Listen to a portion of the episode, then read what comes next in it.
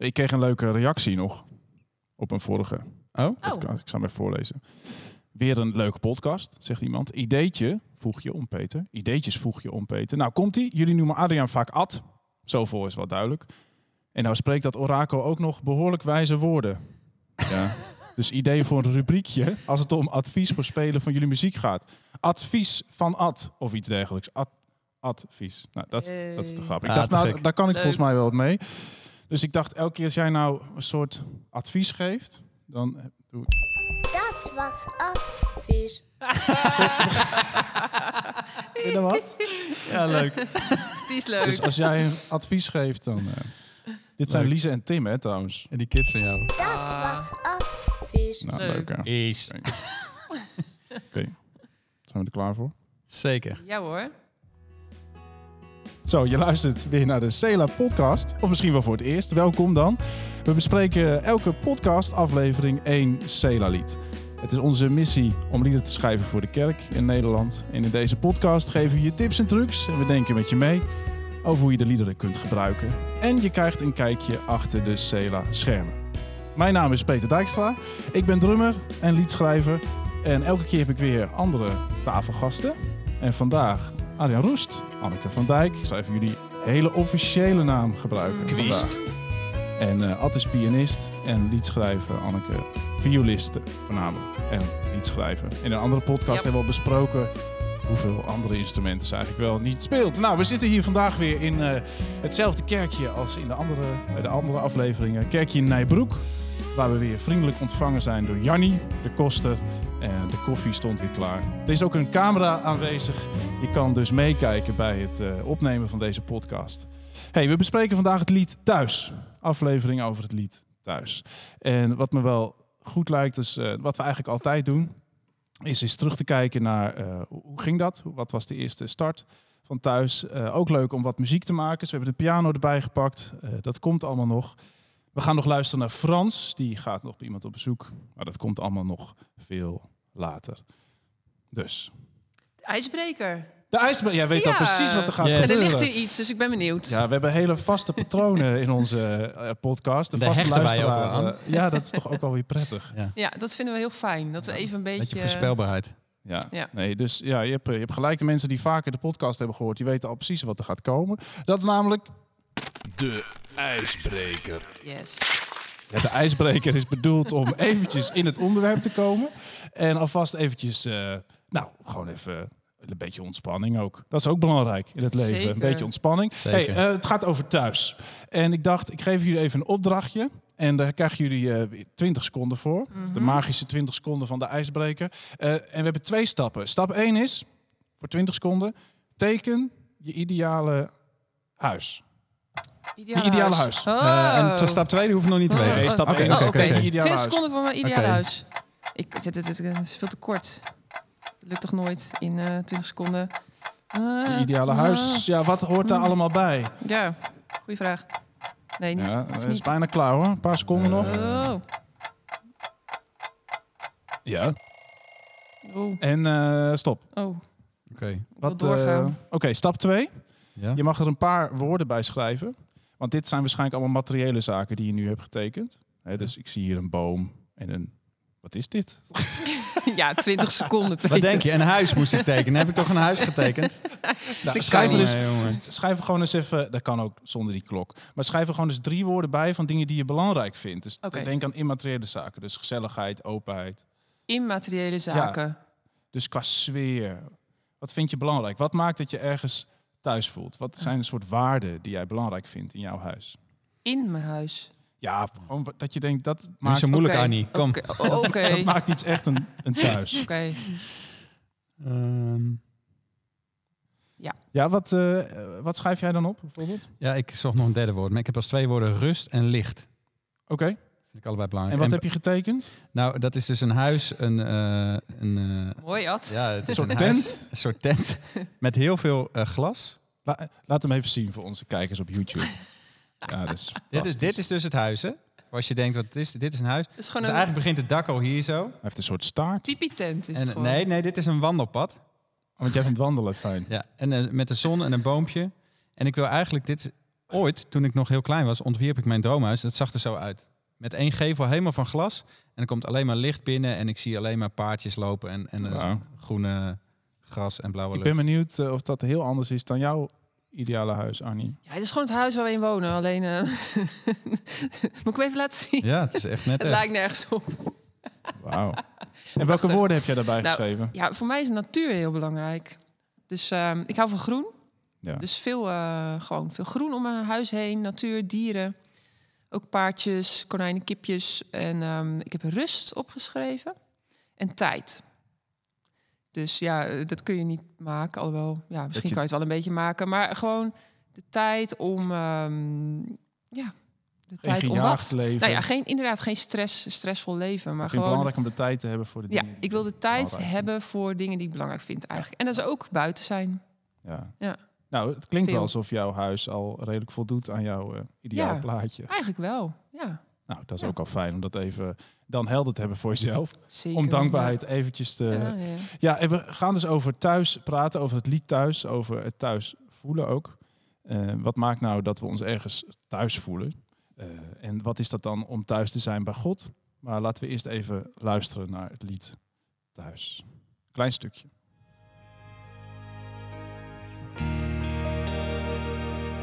Welkom thuis,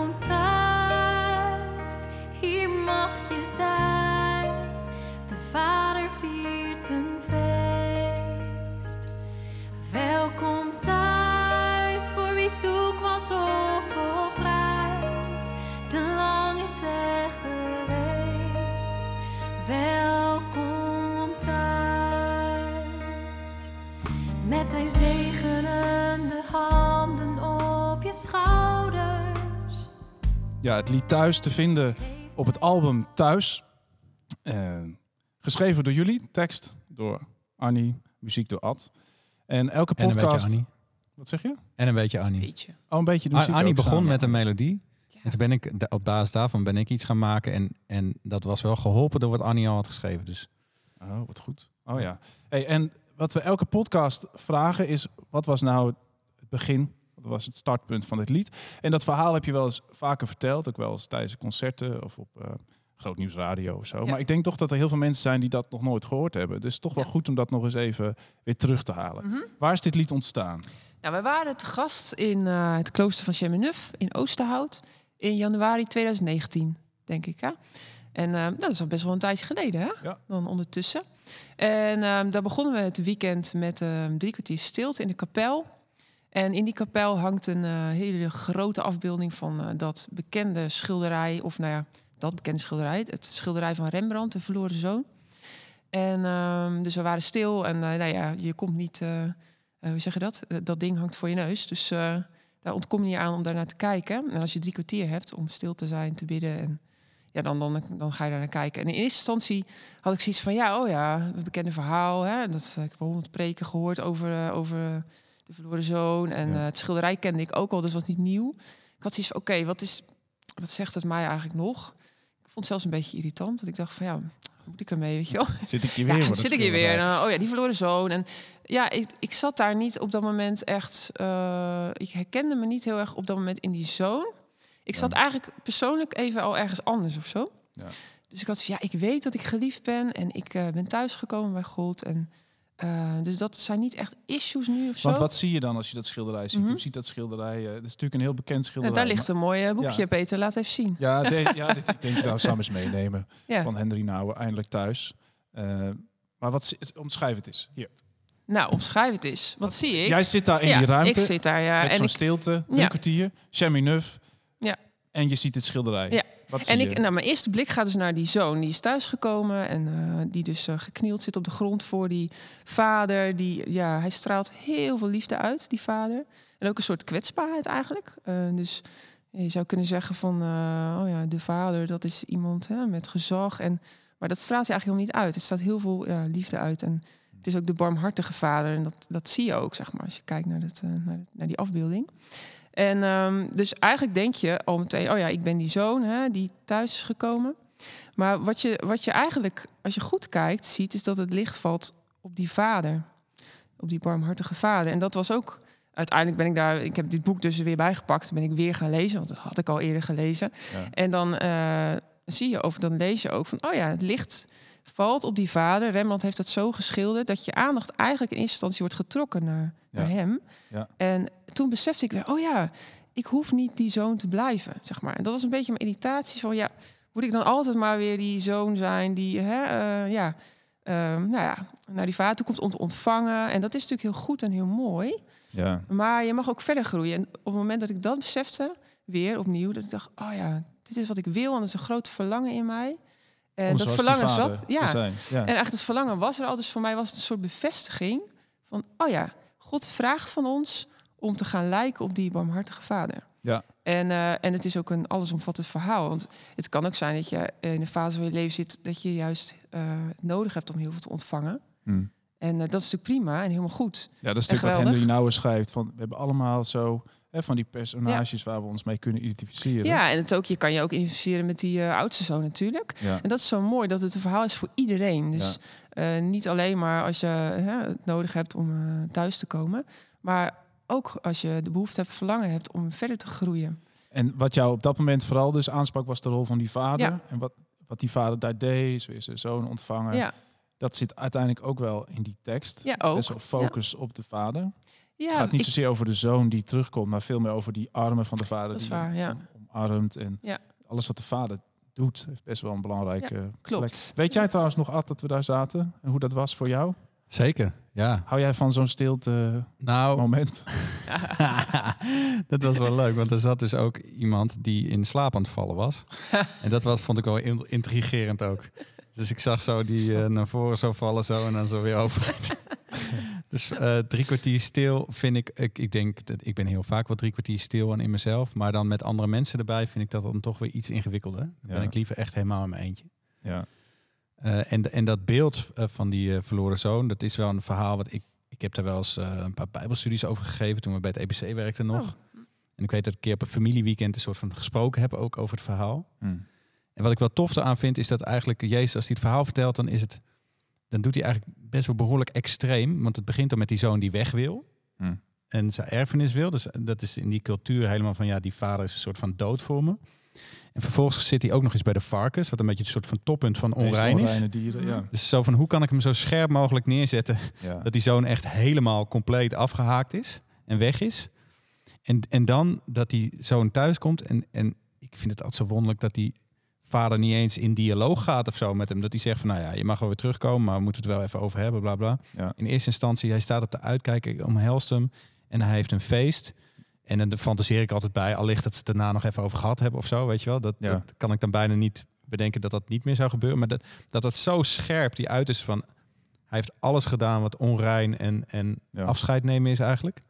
En dat die vader een vol liefde ontvangt. Ja, Ja. zo extreem verhaal van liefde en onvoorwaardelijke liefde is het. Ja. Maar herkende je ook in wat Annie zei van, oh, weer dat schilderij, weer datzelfde verhaal? Of blijft, is dat altijd wel blijven leven, deze boodschap? Is het altijd wel, als je het- zo'n schilderij ziet, Ja. het dan meteen weer... eh, Ja, ik, ik ga dan. eh, ik, ik denk dat ik dan ook eh, de details ga zitten zoeken, bijvoorbeeld. Dus dat hij zo eens een schoen aan heeft die, de, die helemaal kapot is, bijvoorbeeld. Weet je. wel. Dus dan ga ik heel erg zitten kijken wat, wat staat er eigenlijk allemaal nog op wat ik nog niet gezien heb. ja, dat is fantastisch van het boekje, dat die, die twee handen, Mhm. Ja. vrouwenhand Ja. en mannenhand, Ja. ja. dat soort dingen Ja. zijn mooi. Hey, toen ging jij aan de gang met een tekst. Dat Ja. heb je toen thuis gedaan, toen je weer Ja. terugkwam van Cheminuf. Eigenlijk Thuis. vrij snel, hè? We, waren, we hebben allemaal wel wat meegenomen uit het weekendje, volgens mij. was Ja. best bijzonder. Heel bijzonder. En ja. eh heel Nee, dat was het. Humor. nee, het was een Nee, mooi moeten we het weekend. niet even verklaren? Ik heb daar vreselijk gehuild en, en dat was nogal onwennig voor een aantal bandleden. Dus ik ging huilen en toen ging Annie lachen en eh Frans die ging me op mijn rug kloppen en zo. Dat was heel... Het was een beetje een hilarisch moment, maar ook heel mooi. Ja, wij delen lief Ja. en leed natuurlijk als band. En zo'n weekend als dat, dan hebben we de rust om over Ja. allerlei dingen na te denken. Er kwamen wel Ja. kwamen mooie dingen naar boven.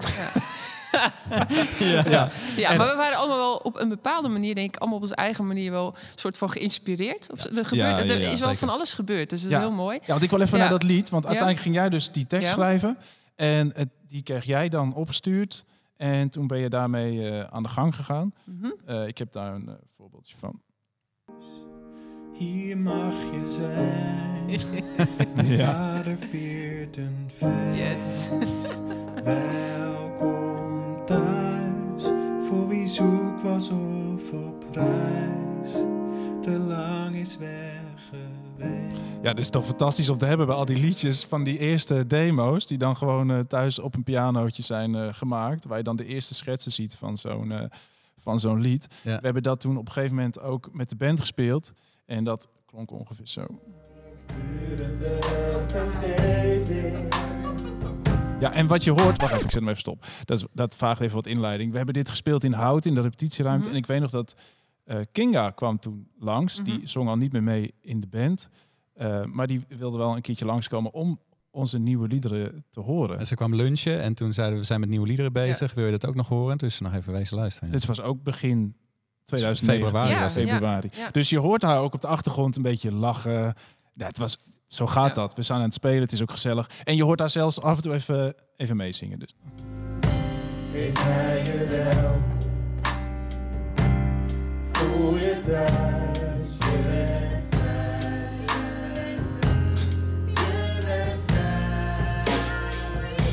Ja. en dat was Kinga. Die I eh, am free. I am free doorheen eh, zong. Ja, fantastisch. Mooie herinneringen. Want het, we hebben toen heel veel van die, eh, van die liederen toen gespeeld. En Ja.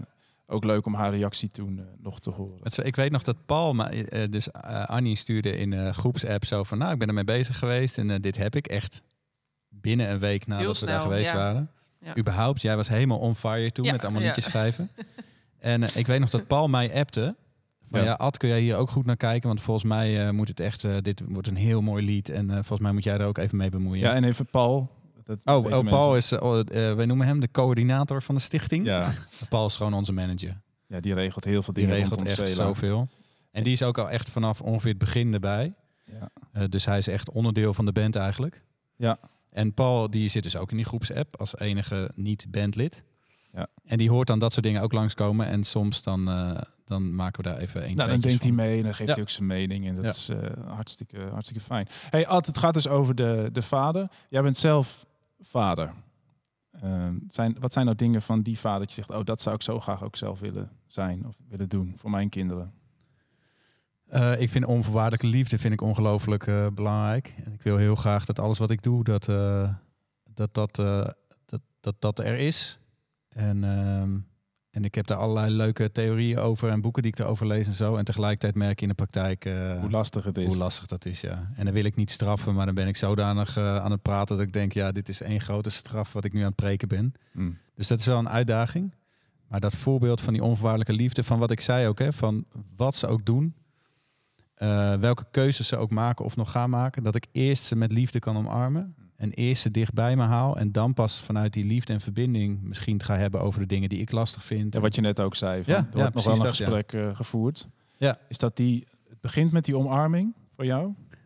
Ja, ja, ze zeggen wel als kinderen stomme dingen doen, dan moet je ze niet, eh, geen time-out, maar dan moet je time in. Hè? Dan moet je er juist voor ze zijn, want dan hebben ze je blijkbaar nodig. Hmm. Maar dat vind ik nog wel eens lastig. Hm. Maar dat is voor mij wel de les van die vader. Die doet eerst time in en dan, eh, ik weet niet of er nog een time-out komt, die, daar horen we niet over. Maar. Als die Henry nou eens schrijft over een vader zijn voor iemand anders... wat, Mhm. wat bedoelt hij dan, eh, Annie? Of hoe, hoe interpreteer je dat? Ja. Wat is een vader zijn voor iemand anders?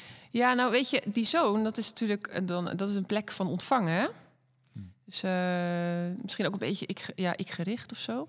Van, eh, nou wat kan ik allemaal ontvangen en hoe kan het mij Ja, goed gaan? en, erfenis, ik ja, ik- ik-. Ja, en die vader is natuurlijk gewoon vooral gevend.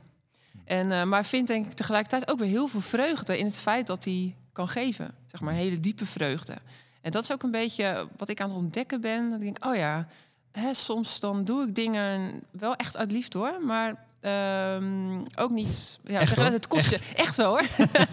nee, maar het kost je soms. Soms kost het je wat. Ja. Eh, bijvoorbeeld tijd. Hè? Een stukje van je tijd eh, geven aan iets of iemand. Of waar je misschien in eerste instantie van denkt, oh ja, pff, nog zoveel doen. ja. Eh, en maar dat doe je dan bewust. En ook wel uit een soort van liefde. Een soort van liefde. Ja, Klinkt dus heel een, maar een gevende houding. het is ja, een, een gevende houding. Ja, wat minder, minder uit dat, eh, meer uit het ik gericht te komen. En eh, dat het allemaal maar om jou draait en jij moet het fijn hebben. Hm. Eh, dus ook gewoon je, ja, tijd en aandacht, oprechte interesse in mensen om je heen.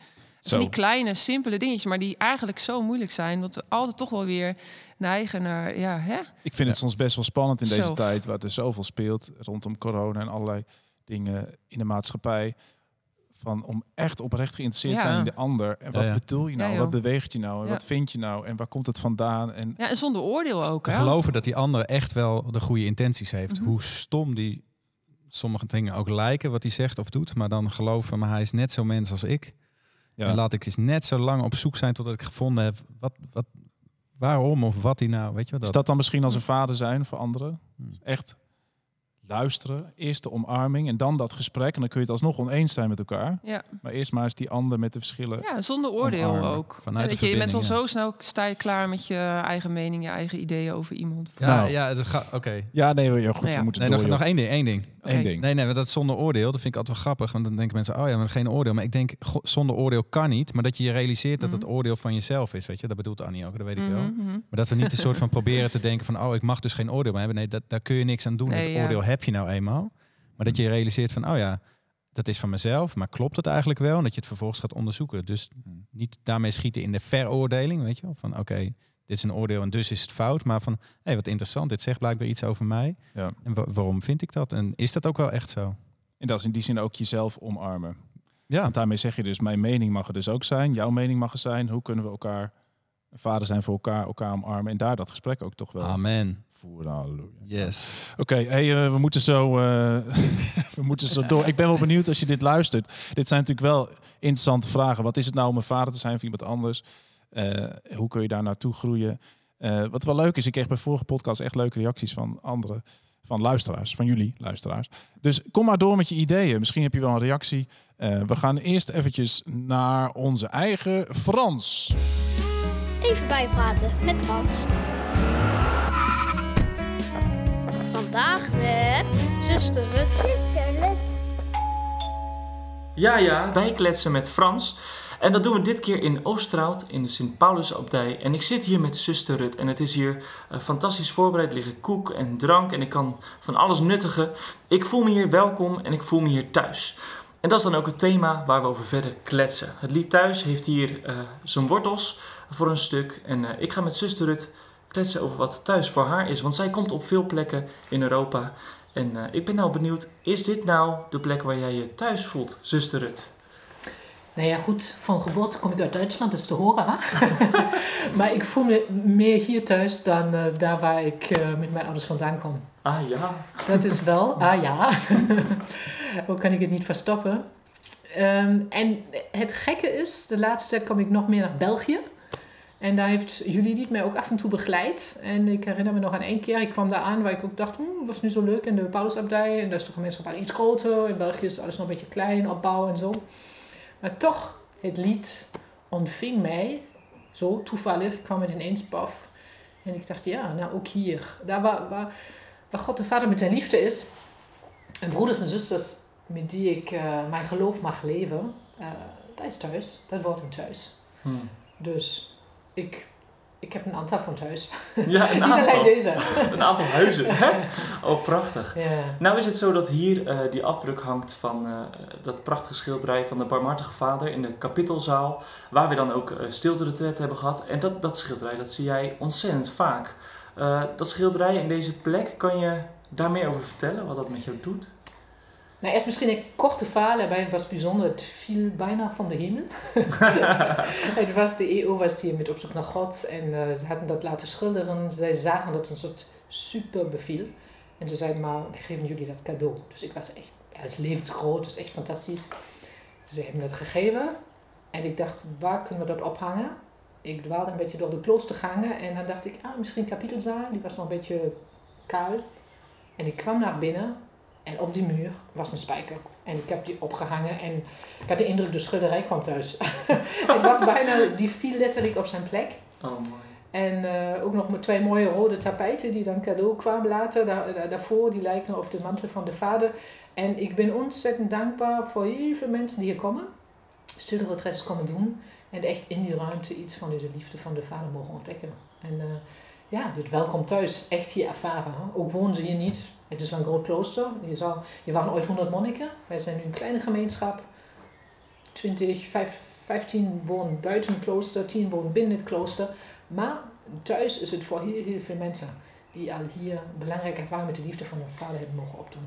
Dus ja, Het is fantastisch in deze dienst te mogen staan. En daar ook van jullie lied gebruik mogen maken, te maken. Hm. Ja, prachtig. Dankjewel, zuster Rut.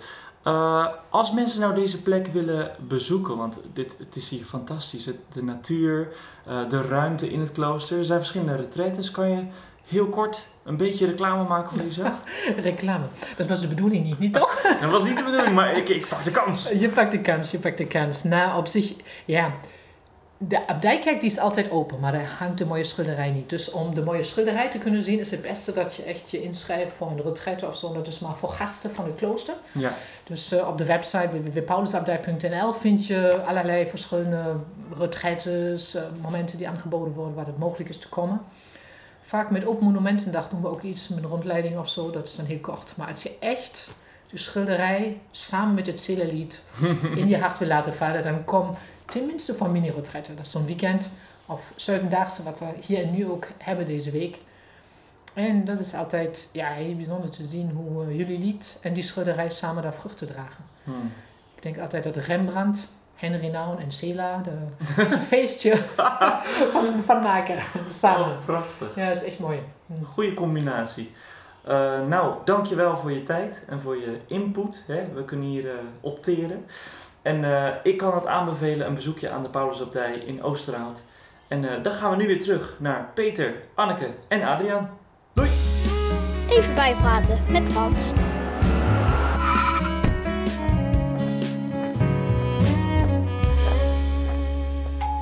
Ja, we zijn weer terug hier in het kerkje van Nijbroek.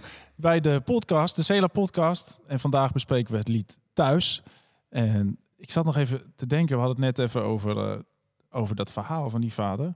Ik dacht, wat ik wel een heel erg geruststelling vind, is dat zelfs die goede vader in het verhaal van Jezus had kinderen die ontevreden waren. Dat vind ik eigenlijk wel, eh, dus als mijn eigen Ja. kinderen Het lag niet aan de vader.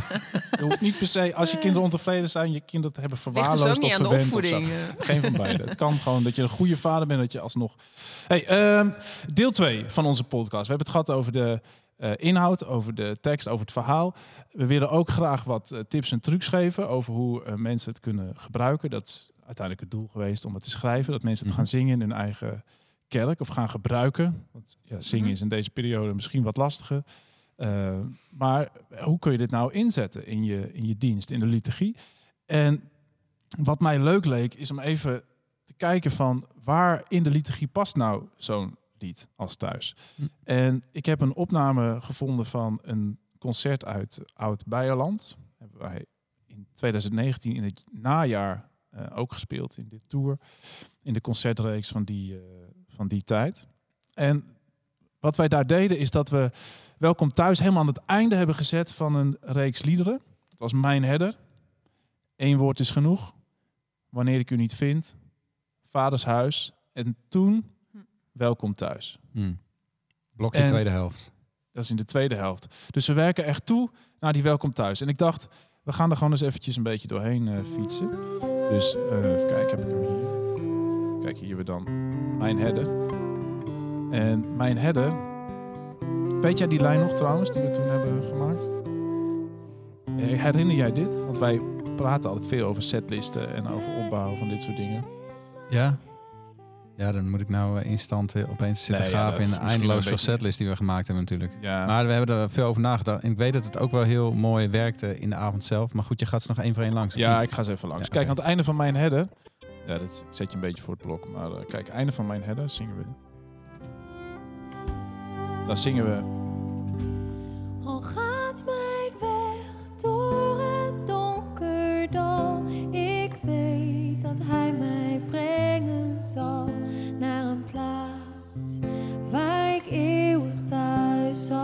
Gaat mijn weg door een donker dal.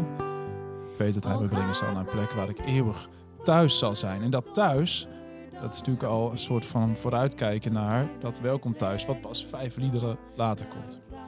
En dan gaan we eigenlijk met elkaar een soort van eh, weg bewandelen. Dus we komen dan bij één woord is genoeg. Waarbij het gaat over voorbeden. Wilt u ingrijpen? Als u ingrijpt, dan komt het goed. Wilt u spreken? Wilt u eh, iets doen? Wij, wij hopen, wij bidden. Ik zal het even erbij pakken. Wacht even hoor. Moet ik eventjes opzoeken. Komt-ie weer. Zie ons hopen, hoor ons bidden. Doe een wonder in ons midden. Zo, ja, er gebeurt iets. Nou, niet de beste opname. Nee, oké. Sloeg nou ja, stem over. Het is live. Ja. En Vergeef nou, wat ons. daar gebeurt in dat eh één woord is genoeg, is natuurlijk echt dat, dat gebed van wilt u ingrijpen. Dan komt het lied erna wanneer ik u niet vind. Dus Heer, uw wegen zijn zo vaak verborgen. Soms snappen we niet hoe, goed ha- hoe God handelt en hoe, het, hoe de dingen gaan. En waarom gaat het dan Hmm. zo? Hoor maar aan, laat niet los, wilt u erbij zijn. Dus echt door die diepe dalen van ons leven. Het woorden geven aan die twijfel, aan soms die lastige periodes. Dan denken, waar bent u nou? Waarom grijpt u daar niet in? Eén woord is genoeg, waarom spreekt u niet? We hopen toch op u, waar, bent u dan toch? Mm. En dan op een gegeven moment komt daar een soort sleutelmoment. eh, is dat, ik zoek dat weer eventjes op. Ik moet het ook even scrollen, zo door dat ding heen. Even kijken, 14 minuten nog wat. Komt hij weer. Standen. Laat niet los. Kom mij toch te hulp. Dat is het einde van wanneer ik u niet vind. Kom mij toch te hulp. Eén ding vraag ik van u, Heer, waar mijn ziel zo naar Man, ik wil weer live spelen. Ja, we missen dit. Dat was wel mooi, ja. Oh, en dan zegt Frans dus, oh, vanuit die, die diepte van die twijfel en die onzekerheid. En waar bent u dan toch? Oh, ik verlang zo om bij u te zijn. En dan die emotie van dat verhaal van, ik wil zo graag weer bij die vader zijn. Mm. Ik, ik, mis, ik mis mijn vader. Ik wist weer dat thuisgevoel, die omarming. En eh, dat uit, uitzingen daarvan. En dan, weet je nog wat we toen deden? Ja, ja, wa- wat altijd wel een puzzel is als wij liederen aan elkaar willen spelen. Als ze bij elkaar horen eigenlijk. En we willen dat er zo min mogelijk storing is tussen de liederen. Zo min mogelijk afleiding. Als we mensen echt mee willen nemen. Dat is voor je liturgie, voor je dienst ook wel, mooi om daar eens rekening mee te houden. Welke liederen horen echt bij elkaar? En hoe ga ik zorgen dat er geen afleiding is? Dat ze in elkaar overlopen. En toen zaten we met toonsoorten. Want we willen, ja, een hele gekke toonsoort overgang kan dan ook wel een soort afleiding zijn. Dat mensen denken, wow, wat gebeurt er nu? En er eigenlijk al uit zijn. Dus dan hebben we een eh, in Vaders Huis een modulatie gedaan. Eh, dus naar een andere toonsoort gegaan met een solo. En dat was de toonsoort al van thuis. Dus we Ja. bereiden eigenlijk in Vaders Huis al voor dat we daarna naar thuis zouden gaan. Oh ja. Oh yes. Ja. Dus hier zijn we al geswitcht naar de Ja. andere toonsoort. En het is dus in het lied Vaders Huis. En het voelt nog heel logisch, omdat het gewoon een modulatie is in een lied. En dan een solo komt erin. En dan gingen we langzaam toewerken naar Welkom thuis. En daar, nou dat is echt waar die setlist naartoe heeft gewerkt. Het is ook wel, hè, als we die essentie willen raken van dat, wat dat thuis betekent, dan vinden we het juist belangrijk dat ook die moeilijke en dat ingewikkelde er kan zijn. Hè? Ja. En, en dan, en dan thuis. komt thuis. Ja. En dan gaat eh, zometeen Mirjam zingen. Ja, nou e- even als voorbeeld van zo'n lied kun je natuurlijk als een heel zelfstandig lied zingen. Gewoon huppatee in je liturgie, zo copy-pasten. Maar het is altijd, wat we proberen met concerten in ieder geval te doen, is om te kijken hoe kunnen we echt naar het lied toewerken. Hoe kan dat een onderdeel zijn in een verhaal. En Mhm. zo'n lied als Welkom Thuis, dat eh, leent zich daar natuurlijk heel Ja. goed voor. En wat jij zegt is helemaal waar. Dus hoe kunnen we inhaken op die diepte en op die vragen. En dat mensen denken, ja, dit is... Want het begrip thuis kan een soort, het zou ook een soort oppervlakkig kunnen zijn. Hè? En eh, met die liederen kunnen wij mensen helpen om, om ze te brengen bij echt een hele diepe essentie van het thuis. Dat echt je hele verhaal. eh, eh, hoe zeg je dat? Eh, net als die verloren zoon, hè? Vader eigenlijk verlogend en, eh, en bij de varkens gezeten. Dat je hele verhaal welkom is. En dat als mensen dat lied uiteindelijk gaan zingen, dat ze dat ook voelen bij het zingen van, oh ja, alles. Dus ook dat zoeken naar God, ook dat, dat verlangen vanuit de pijn, het mag er allemaal zijn.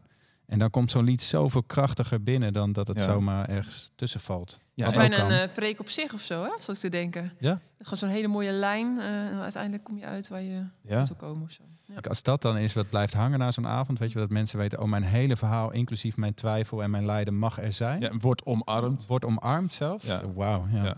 Oké, hey, mooi. Even als eh, inspiratie, misschien kun je er wat mee. Ehm, we willen ook wat praktisch muziek maken, dus we hebben hier een piano. Wat mij eh, leuk leek om even uit te leggen, is dat jij begint met een soort patroontje. En jouw linkerhand die gaat bewegen. Oh, de akkoorden spelen, zeg maar, de, de basliggingen.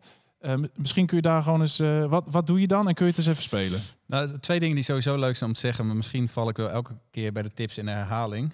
Maar sowieso dat het als pianist eh, goed is om eh, weinig te doen. Eh, en dat zul je ook merken dat ik straks. Oh, is dit advies? Dat Ja. was advies. Ja, maar ik dacht, ik, ik laat ze een beetje zo als één groot advies. Moet ik nou bij elk advies... Ja, ja, ja. Nee, kom maar even met een rijtje en dan kies ik mijn moment. Eh, twee dingen doe ik daar. Eén is in de bas. Ik leg alleen die bas neer. Dus ik doe niet allemaal ritmische lijntjes of met mijn duim erbij of weet ik wat. Gewoon één basnoot, volgende maat, één basnoot en that's it. Wow, mijn microfoon viel naar voren. That's it. En in de rechterhand doe ik een patroontje wat de hele tijd zich herhaalt. Dus Ja. je hebt eigenlijk in de linkerhand heel veel rust, maar wel beweging. Ja, En in de rechterhand heb je ook een soort van heel veel rust, omdat het patroontje telkens terugkomt. ja kun je het even spelen? Ja. Dus eh, dit, dit was al eh, was Mhm. minder doen. Less is more. Ja. Ja, kom maar.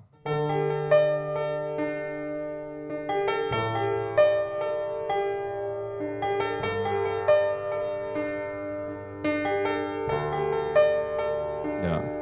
Ja, dus rechterhand blijft eigenlijk gewoon hetzelfde doen. Linkerhand verschuift. En dat is een manier om een soort rust te creëren in zo'n eh, in zo'n intro. En dan eh, merk je dat hij onder het eerste refreintje doe ik het ook nog. Dus dan, dan rolt hij eigenlijk zo het liedje in. Ja. En je merkt op het eind komt hij in een andere toonsoort dan. Maar dan komt hij ook weer terug. Dus het is ook een soort herkenbaarheid. En herkenbaarheid geeft denk ik ook heel veel rust. Dus als je in een arrangement dingen hebt die een paar keer terugkomen, dan, dan hoort dat bij dat liedje. Ja. En, eh, Een soort haakje waarop mensen aanhaken. hey, dat is dit, eh, Ja. Dit Ja. lied. Ja. Ja. Ik dacht, het is misschien wel leuk om het lied eens te luisteren en dan eens specifiek naar de drums eh, te kijken. Kijk, ik zal hem eens even weer aanzetten. ja, dat vind je leuk. Ja, dat vind ik leuk. Ja. Kijk, hier doe ik eigenlijk alleen een, eh, een shaker. En een beetje cymbals. En nou, dan krijg je dat refrein. Ik ga hem even door, want anders duurt het allemaal veel te lang.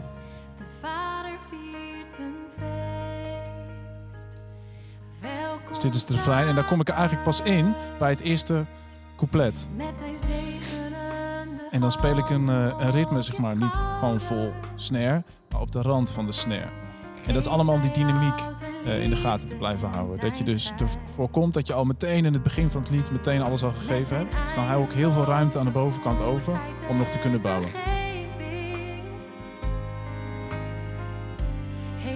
En hier ga ik wel iets meer. Yes, in de volle snare. Bam. Dan ga je al een stapje omhoog. Hier komt die snare op de 2 en de 4. Zie je, dit is gewoon vol snare. Maar nog wel hi-hat. Dus ik weet als ik vol snare doe en de hi-hat speel, dan heb ik nog steeds ruimte over om te kunnen bouwen. Dus dit is het tweede refrein al eigenlijk. Maar ik weet, er komt nog, er komt nog een bridge, er komt nog een refrein. Dus ik moet niet alles geven.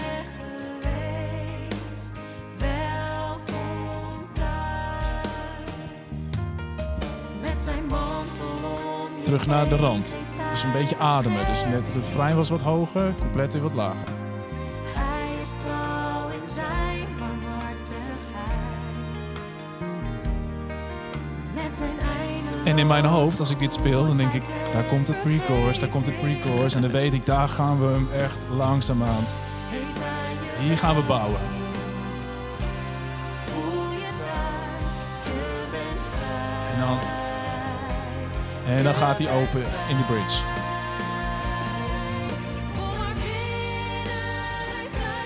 Tamboerijntje erbij. En een grote veel.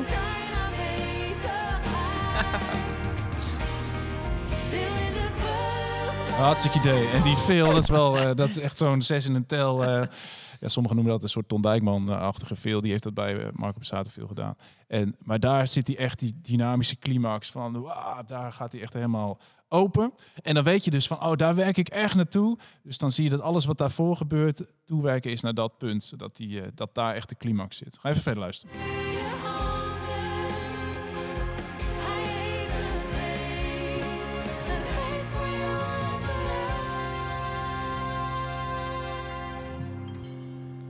Maken we een grote sprong weer terug. Een andere toonsoort dan het intro is dit. En we houden ervan om die verschillen groot te maken. Dus Ja. grote bridge, klein tussenspel. Dynamiek kan altijd groter dan je denkt.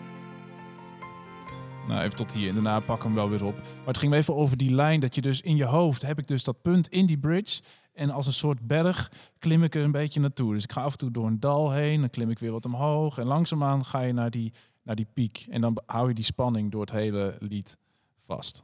Daarmee zet je nog steviger neer wat we aan het doen zijn. Hè? Dus je bekrachtigt eigenlijk de boodschap van het lied.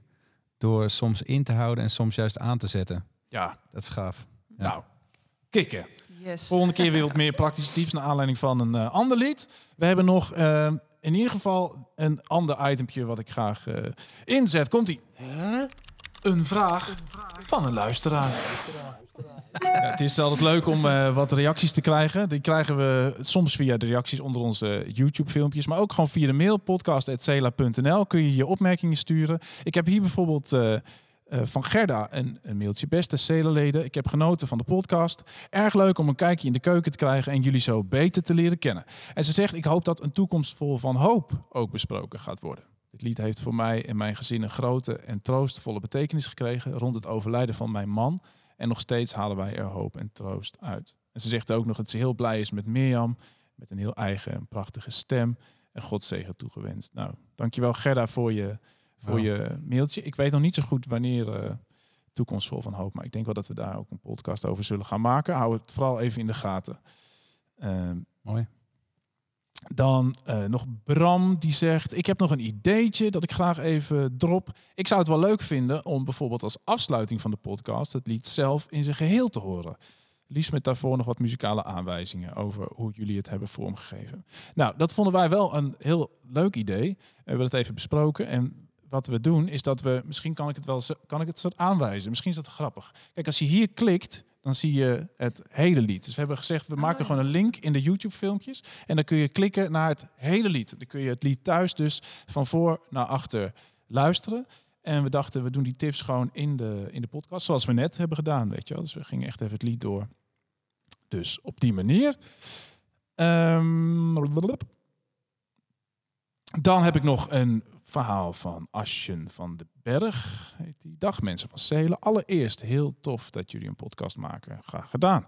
Leuk om wat meer achtergrond te horen en wat mee te krijgen van het ontstaan van liederen. Ik vroeg me af, en misschien hebben jullie daar wel een leuk antwoord op. Hoe zorg je bij het schrijven van een melodie dat je echt iets nieuws schrijft en niet iets dat toevallig in je hoofd zit en je ooit een keer eerder hebt gehoord? Groeten.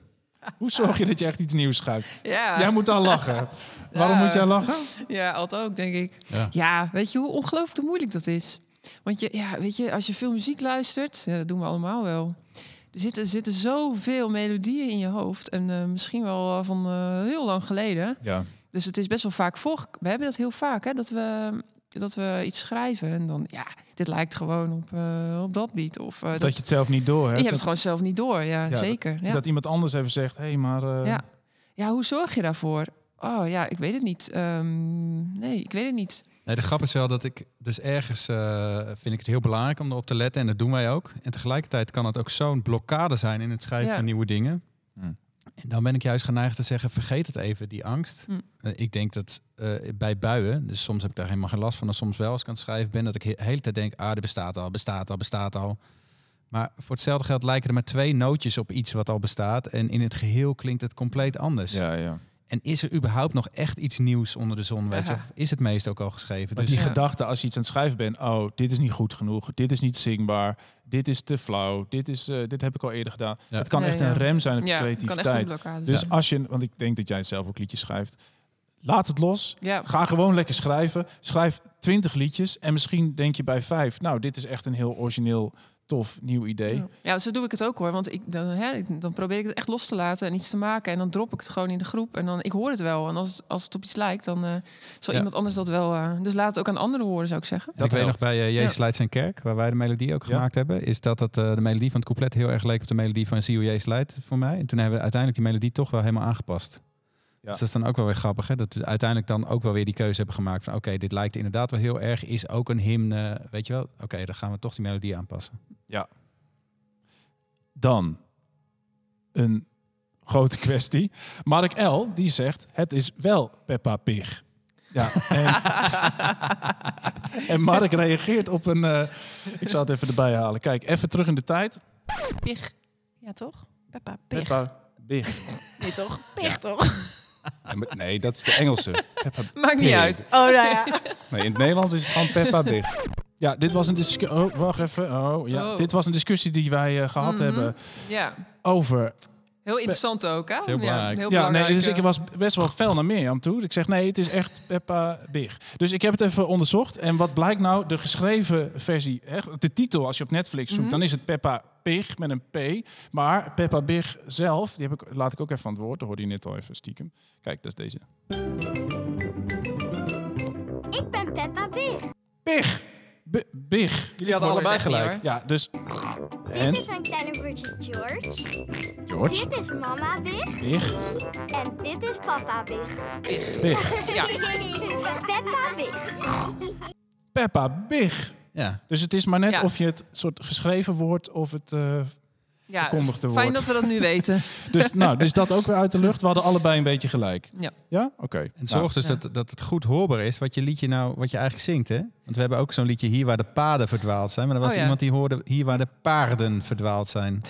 Dat is ook wel waar de paden verdwaald zijn. Is ook een beetje een aparte tekst. Maar nog van u. ja, Ja, ja. Dat is lang geleden. Oké, nou dat was... Een vraag van een luisteraar. Ja, hey, we zijn er weer doorheen. Eh, dus eh, ik ga hem denk ik weer eh, afronden. Ik eh, bedank in ieder geval jullie dat jullie hier waren. Eh, bedankt voor het meedenken over thuis en het delen van jullie verhaal. Over Superleuk dit, toch? het over om te staan. Ja, wij genieten hier eh, wel van hè, om dit te maken. heel Ik leuk. vind het echt leuk. Het is, nou ja, aflevering 4. Maar nou ja, we zijn benieuwd naar wat er nog allemaal gaat komen. Wij genieten ervan om dit voor jullie te maken. Jullie bedankt voor het luisteren. En ik wil ook specifiek onze vrienden even bedanken. Er zijn mensen die Cela ondersteunen, de, missie van Cela ondersteunen. En mede dankzij jullie steun kunnen we dit doen. Zo'n podcast als dit maken. En ook met als doel om die liederen, hè, de kerken nou in te krijgen. In ieder geval mensen te helpen en te inspireren hoe je, hoe dat nou kan doen. Als je dit leuk vond, dan kun je abonneren op deze podcast. Dan mis je geen enkele aflevering. Wij vinden het ook leuk als je ons een leuke, mooie review geeft. Of gewoon een mooi aantal sterretjes. Daar worden wij ook heel gelukkig van. Je kan ons ook volgen via andere kanalen. Eh, nou ja, YouTube, Facebook, Instagram. Je kan je vragen sturen naar podcast.cela.nl. Volgende keer weer een nieuw lied. Tafelgasten, nieuwe tafelgasten, een nieuw item van Frans. En hopelijk weer met jou als luisteraar. Doei!